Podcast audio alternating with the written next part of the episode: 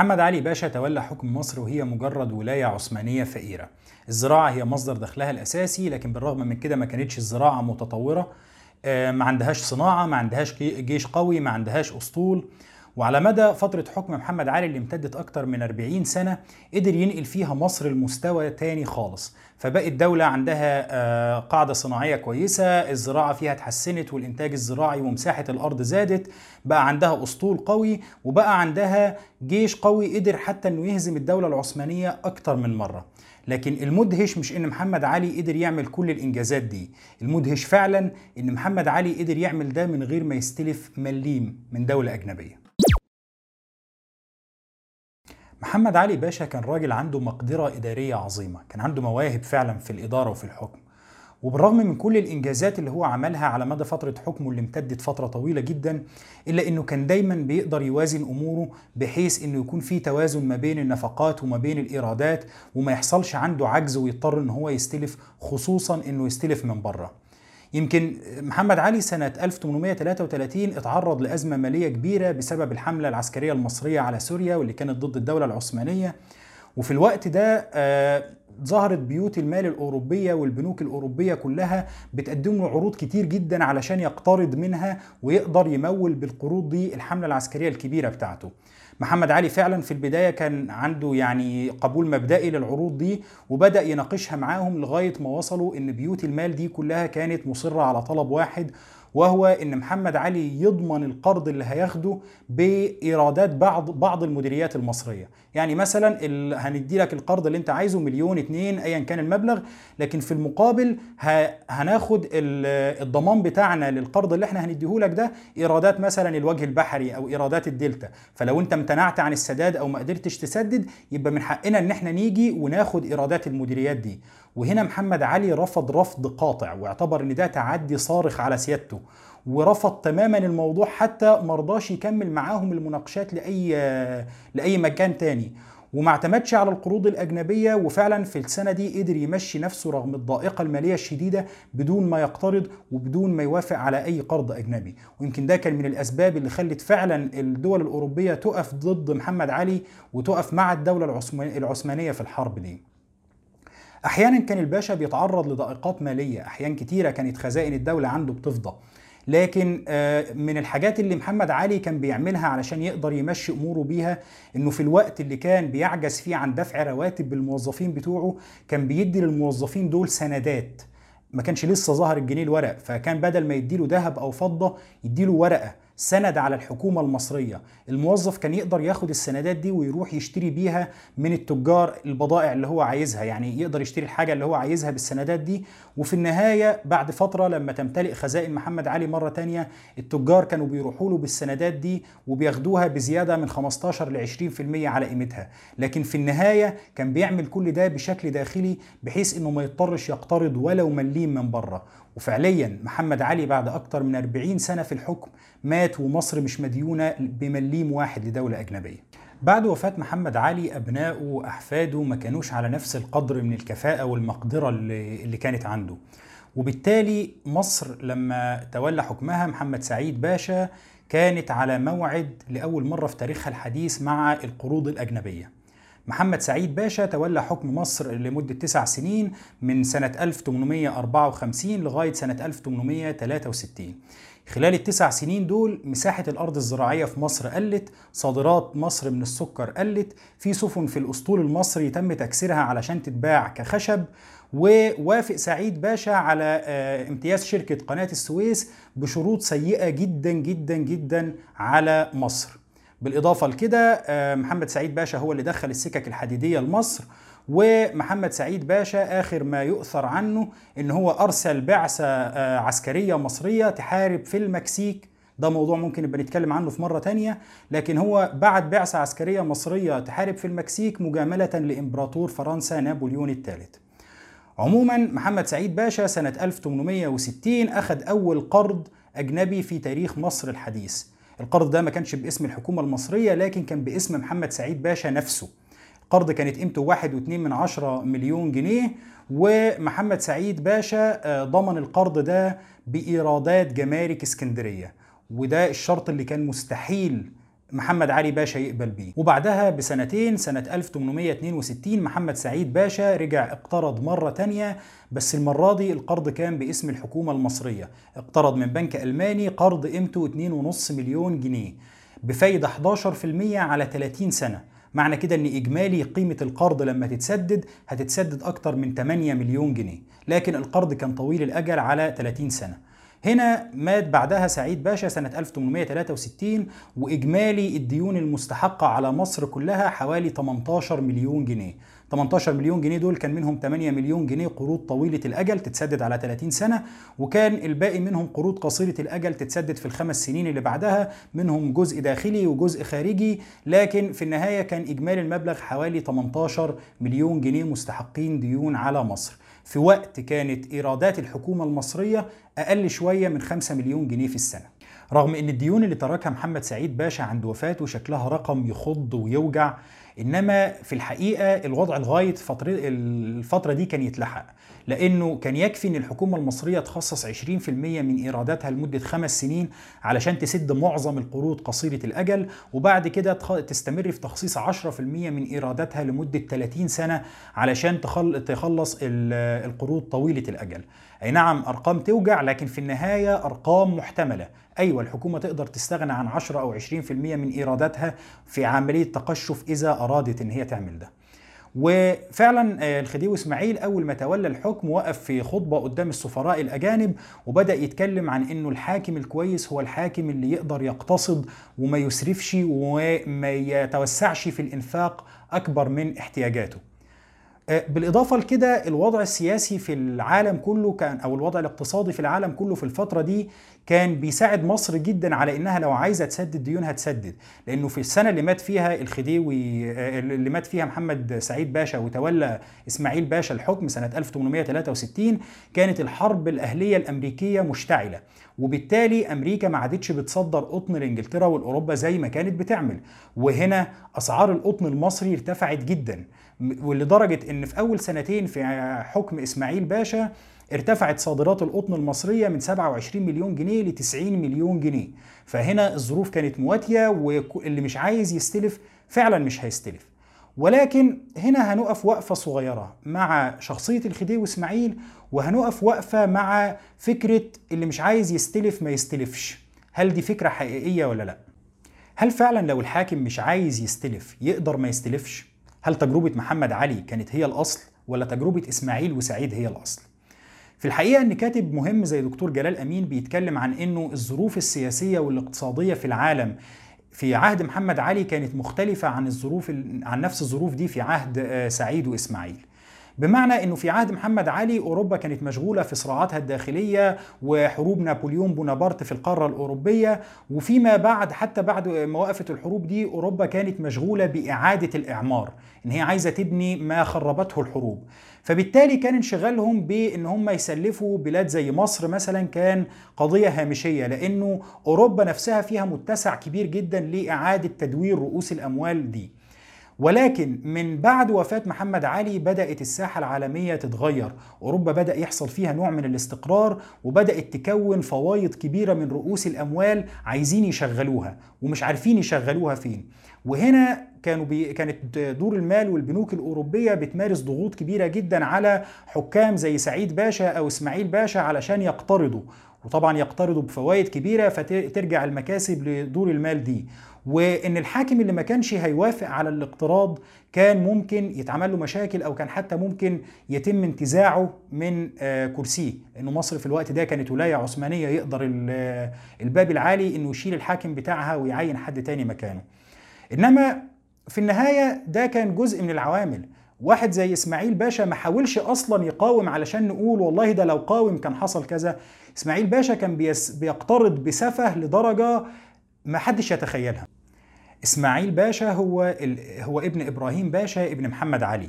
وبالرغم من إنه أبوه وجده كان عندهم مواهب وقدرات عسكرية وإدارية كبيرة جدا إلا إن إسماعيل باشا للأسف ما كانش على نفس الدرجة دي من الكفاءة والمقدرة.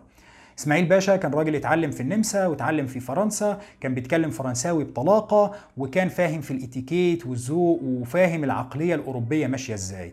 الراجل كان منبهر جدا بالحضارة الأوروبية وكان حلمه الكبير اللي سعى طول حياته لتحقيقه هو إنه يكون ند لملوك أوروبا يكون زيه زي كل ملوك أوروبا العظام اللي هو كان بيشوفهم وهو بيتعلم هناك.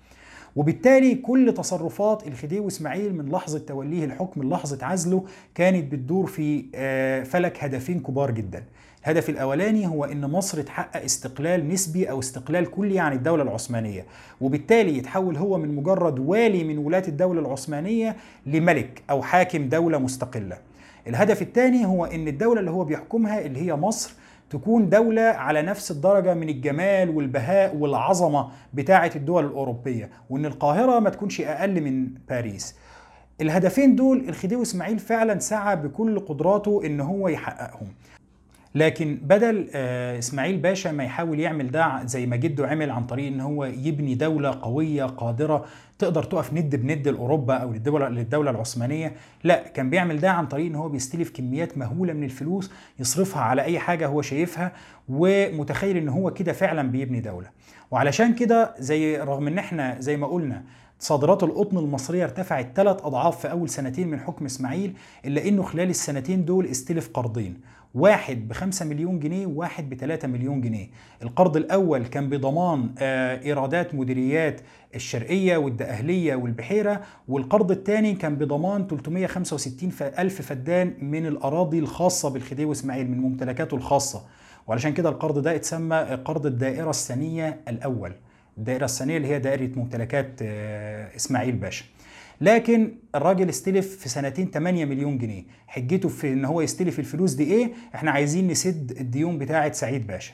لكن بمجرد إن هو مسك الفلوس ما راحش سد بيها ديون إسماعيل باشا ولا حاجة وإنما أخذ الفلوس دي وراح اشترى قصر فخم جدا على ضفاف البوسفور في في تركيا علشان لما يروح يقابل الخليفة العثماني يكون على نفس يعني ساكن في قصر على نفس درجة الفخامة اللي ساكن فيها الخليفة نفسه. أنا مش أقل منك في حاجة. واشترى مجموعة أطيان وشوية أراضي في مصر وبرضه للأمانة صرف جزء من القرض الثاني حوالي نصه على إن هو يدي قروض ميسرة للفلاحين المصريين تتسد على سبع سنين علشان الفلاحين المصريين كانوا استدانوا اعتمادا على أسعار القطن المرتفعة. وبمجرد انتهاء الحرب الأمريكية الأهلية الأمريكية وعودة القطن الأمريكي للأسواق في أوروبا انخفضت أسعار القطن والفلاحين المصريين لبسوا في الديون اللي هم واخدينها اعتمادا على السعر المرتفع. فهو هنا ادالهم حوالي نص قيمة القرض الثاني كقروض ميسرة علشان ينتشلهم من الأزمة اللي هم اتحطوا فيها. سنة 1866 الخديوي إسماعيل أخذ القرض الثالث ده كان قرض ب 3 مليون جنيه. الجميل في القرض ده إن هو أصلا ما كانش محتاجه. هو كل الحكاية إنه لما دخل في مفاوضات علشان ياخد القرض أبو 3 مليون اللي هو أخده سنة 1865 اللي هو القرض الثاني راح اتفاوض مع بنكين. في بنك فيهم اداله القرض في وقتها فأخده على طول. وبعد كده بعد سنة جاء البنك الثاني قال له خلاص إحنا خلصنا إجراءاتنا وال3 مليون جنيه بتوعك جاهزين. فالراجل بدل ما يقول لهم خلاص أنا ما عدتش محتاجه قال والله ما هم راجعين. عندكم 3 مليون جنيه وخلصتوهم آه هاتوا الفلوس. وقام واخد ال 3 مليون جنيه راح اشترى بيهم بجزء كبير منهم أملاك اتنين من الأمراء من الأسرة العلوية اللي هو كان خايف منهم على منافسته على العرش. لحد الوقت ده كان الخليفة العثماني يقدر يعزله ويولي أي حد من الأسرة العلوية مكانه وبالتالي هو كان خايف وعايز يقطع رجل الاتنين دول من مصر اشترى كل أملاكهم وضمها لممتلكاته الشخصية ودفع شوية رشاوي بعدها للباب العالي علشان يجعلوا وراثة العرش في مصر حكر على أبناء إسماعيل وليس على أبناء محمد علي. قبلها كانت وراثة الحكم في مصر للأرشد فالأرشد من أسرة محمد علي. سواء من أبنائه أو أحفاده. لكن من بعد القرار ده من بعد الفرمان ده ما صدر بقى الحكم في أبناء أبناء الخديوي إسماعيل أو أبناء إسماعيل باشا. لحد وقتها ما كانش خد لقب خديوي. كان في أبناء إسماعيل باشا الذكور الأكبر فالأكبر. السنة اللي بعدها اللي هي سنة 1867 إسماعيل باشا كان هيروح معرض عالمي معمول في باريس. وكان المعرض ده حدث مهم هيحضره أغلب قادة العالم. إسماعيل باشا ما كانش حابب يروح المعرض ده بصفته إسماعيل باشا. كان عايز يروح وهو عنده لقب حلو. إسماعيل باشا ده مجرد والي عثماني لكن أنا عايز أبقى ملك أو عايز أبقى سلطان أو عايز أبقى حاكم. فدخل في مفاوضات مع الباب العالي ودفع فيها كمية رشاوي كبيرة جدا علشان يدوله لقب عظيم لقب أكبر شوية من لقب الباشا ده. في البداية آه، إسماعيل باشا كان طالب إن هو ياخد لقب العزيز. ليه العزيز؟ لأنه القرآن اتكلم في قصة سيدنا يوسف عن عزيز مصر. فهو بالتالي كان عاجبه اللقب ده باعتبار إن ده اللقب اللي القرآن ذكره لحاكم مصر. فلو سمحت اديني اللقب ده. الباب العالي رفض. رفضه ده كان من منطلقين. المنطلق الأول وده كان الحجة اللي هي يعني مش الحقيقية قوي إن العزيز ده من أسماء الله الحسنى. فإحنا مش هنديه لواحد من الحكام. لكن السبب الأهم كان إن الباب العالي وقتها كان بيحكمه الخليفة عبد العزيز. وبالتالي فهو قال أنا مش هينفع يكون واحد من ولاتي هو العزيز وأنا عبد العزيز. قال دي نكت هتطلع على المقام السلطاني لا تليق به. وبالتالي بعد مفاوضات وشد وجذب وصلوا لاتفاق إن هم يمنحوه إسماعيل باشا لقب الخديوي إسماعيل. الخديوي كانت كلمة فارسية ليها معنى الملك أو أحيانا كمان بتحمل معنى الرب. وكانت كلمة دارجة عند ال ال يعني الحكومات العثمانية لأنه كان الديوان الخديوي دي كلمة معروفة هناك اللي هي معناها أنه الديوان الأميري أو الديوان العالي. منحوه لقب خديوي واللقب أثبت فعلا إنه مش خسارة فيه الفلوس اللي اندفعت فيه. الراجل أول ما راح باريس وبدأ يتقدم للملوك وللقاده على إنه الخديوي إسماعيل بدأ الناس يسألوا إيه الخديوي؟ إيه الخديوي؟ فغموض اللقب والغرابة بتاعته كانت عاطية انطباع إن ده ملك أو حاكم جاي من ألف ليلة وليلة. ده حاكم شرقي من اللي إحنا بنسمع عنهم في الروايات وفي القصص. وساعد على ده الإنفاق والبذخ المهول اللي كان بيعمله الخديوي اسماعيل في المعرض ده. كان ماشي يوزع فلوس باليمين يوزع بالشمال. طبعا علشان كل اللي أنا بتكلم فيه ده هو خد في السنة دي قرض ب 2.8 من 10 مليون جنيه. راح طبعا بدأ يصرف يمين ويصرف شمال. صرف كمية فلوس كبيرة جدا لدرجة إنه فعليا الصحافة الأوروبية والناس في أوروبا ما بقى لهمش حديث في المعرض ده إلا الملك العظيم القادم من الشرق ووجود الخديوي اسماعيل نفسه غطى على وجود الخليفة العثماني في المعرض ده. برضه للأمانة الخديوي إسماعيل في المعرض ده اشترى ثلاث بوارج حربية حديثة لمصر واشترى مجموعة من البنادق الحديثة وده يمكن سبب مشكلة بينه وبين الباب العالي بعد كده لأن مصر بموجب اتفاقيات محمد علي معاهم ما كانش مسموح لها إن هي تاخد خطوات زي دي. لكن عموما الخديوي إسماعيل صحيح كمان في قصة شهيرة تروى عنه في معرض باريس إنه آه راح زار أو اتعزم على الغداء عند مواطن فرنسي مشهور واحد من النبلاء الفرنسيين في الوقت ده ولما راح يزوره عجبوا جدا القصر بتاعه لأنه كان قصر يعني زي ما الروايات دي بتوصفه لا يليق إلا بواحد من كبار الملوك. فبعد الغداء وهم بيدخنوا مع بعض الخديوي إسماعيل طلب منه إن هو بيسأله يعني القصر ده ما تحبش تبيعه أو تبيعه بكام؟ فالراجل علشان ما يحرجش الخديوي إسماعيل ويرفض بشكل صريح وواضح وفي نفس الوقت يتخلص من إن هو من طلبه لبيع القصر طلب رقم مبالغ فيه جدا وهو 5 مليون فرنك. في وقت القصر ده كان يساوي فيه مليون ونص فرنك بس. وبمجرد ما قال أنا مستعد أبيعه لو حد عرض عليا فيه 5 مليون قام الخديوي إسماعيل طلع من جيبه شيك وكتب فيه 5 مليون فرنك وقال للراجل خلاص أنا اشتريته بالمبلغ ده. الرواية بتكمل إنه بعد الخديوي إسماعيل ما عمل ده شاف بنت صاحب البيت حزينة لأن ما كانتش عايزة تسيب البيت بتاع أبوها ده. فقام الخديوي إسماعيل في لفتة إنسانية عظيمة طلب من الراجل إنه يحرر صك البيع يعمل العقد باسم بنته وتعتبر إن البيت ده هدية من الخديوي ليها علشان محدش يقول إن خديوي مصر جه سرق من الراجل ده بيته أو خده منه غصب. والخمسة مليون فرنك راحوا للراجل ده كهدية من حاكم مصر. طبيعي مع حاكم بيعمل ده إن الصحافة الفرنسية تحكي عنه أساطير وحكايات لكن الفكرة ان الخمسة مليون فرنك دول كانوا قروض على الدولة المصرية. خلينا كمان نفتكر إنه في المعرض ده اتعرضت على الخديوي إسماعيل فكرة إنه تمثال الحرية تمثال الحرية الموجود حاليا في نيويورك كان اتعرض في البداية على الخديوي إسماعيل. اتعرضت فكرته عليه وكانت فكرته إنه تكون فلاحة مصرية لابسة اللبس التقليدي للمصريات وشايلة شعلة الحرية دي علشان تنير الطريق إلى آسيا. لكن لما اتعرضت عليه فكرته رفض علشان كان شايف إن تكلفة بنائه غالية. تقريبا دي الحاجة الوحيدة اللي الخديوي إسماعيل قال عليها غالية في حياته من يوم ما اتولد لغاية ما مات. تكلفة بنائه في النهاية وصلت ل 2.4 مليون فرانك. دي تحملها في الآخر الشعب الفرنسي وبقت هدية من الشعب الفرنسي للشعب الأمريكي. لكن الخديوي إسماعيل اللي ادى 5 مليون فرنك لصاحب البيت كهدية لبنته كان شايف إن 2.4 مليون فرنك كتير على تمثال الحرية. الراجل كتر خيره برضه كان أحيانا بيبقى عنده تفكير اقتصادي يعني. هنا مصر كانت داخلة على مرحلة جديدة اللي هي حفل افتتاح قناة السويس. حفل افتتاح قناة السويس اللي هو اتعمل سنة 1869 الخديوي إسماعيل كان بيستعد له من قبلها بسنتين أو بأكتر علشان عايز يعمل حفلة ما اتعملش زيها قبل كده في تاريخ العالم. حفلة ترسم الصورة الذهنية اللي هو عايز يرسخها عند الناس كلها قدام كل القادة والزعماء بتوع العالم. وبالتالي لما كان لسه في معرض باريس سنة 1867 اتفق مع المهندس الفرنسي أوسمان اللي هو اللي صمم باريس اللي أعاد تصميم وبناء مدينة باريس إنه يجي القاهرة ويجيب معاه كل ما يلزم من أجل أن تكون القاهرة باريس أخرى. وبالفعل المهندس جاء وعمل تصميم للقاهرة اللي هي بتتسمى القاهرة الخديوية اللي هي حاليا وسط البلد. تصميم مشابه تماما لتصميم باريس بنفس النظم المعمارية ونفس الشوارع الواسعة ونفس المظهر البديع.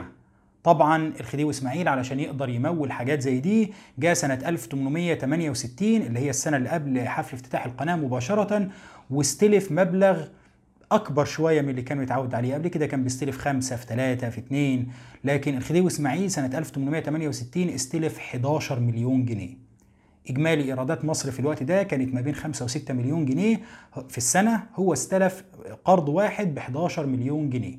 وعلشان يستلف القرض ده اخذ موافقة من الباب العالي إن هو هياخد المبلغ ده والباب العالي اشترط عليه إن هو هيفضل بعدها لمدة خمس سنين مش هيستلف تاني. الحقيقة إن الباب العالي كان بيشترط عليه ده وده شرط يبدو منطقي جدا وحقيقي. لكن الباب العالي هو نفسه كمان كان بيجري يستلف ديون على الدولة العثمانية بمعدل أسوأ من معدل إسماعيل. بس مش ده موضوعنا حاليا.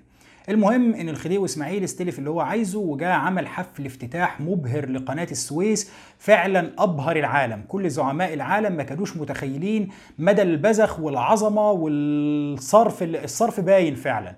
اللي عمله الخديوي إسماعيل سنة 1869 طبعا ده كان بقرض ال 11 مليون والقروض اللي قبلها اللي اتاخد سنة 1868 وما قبله.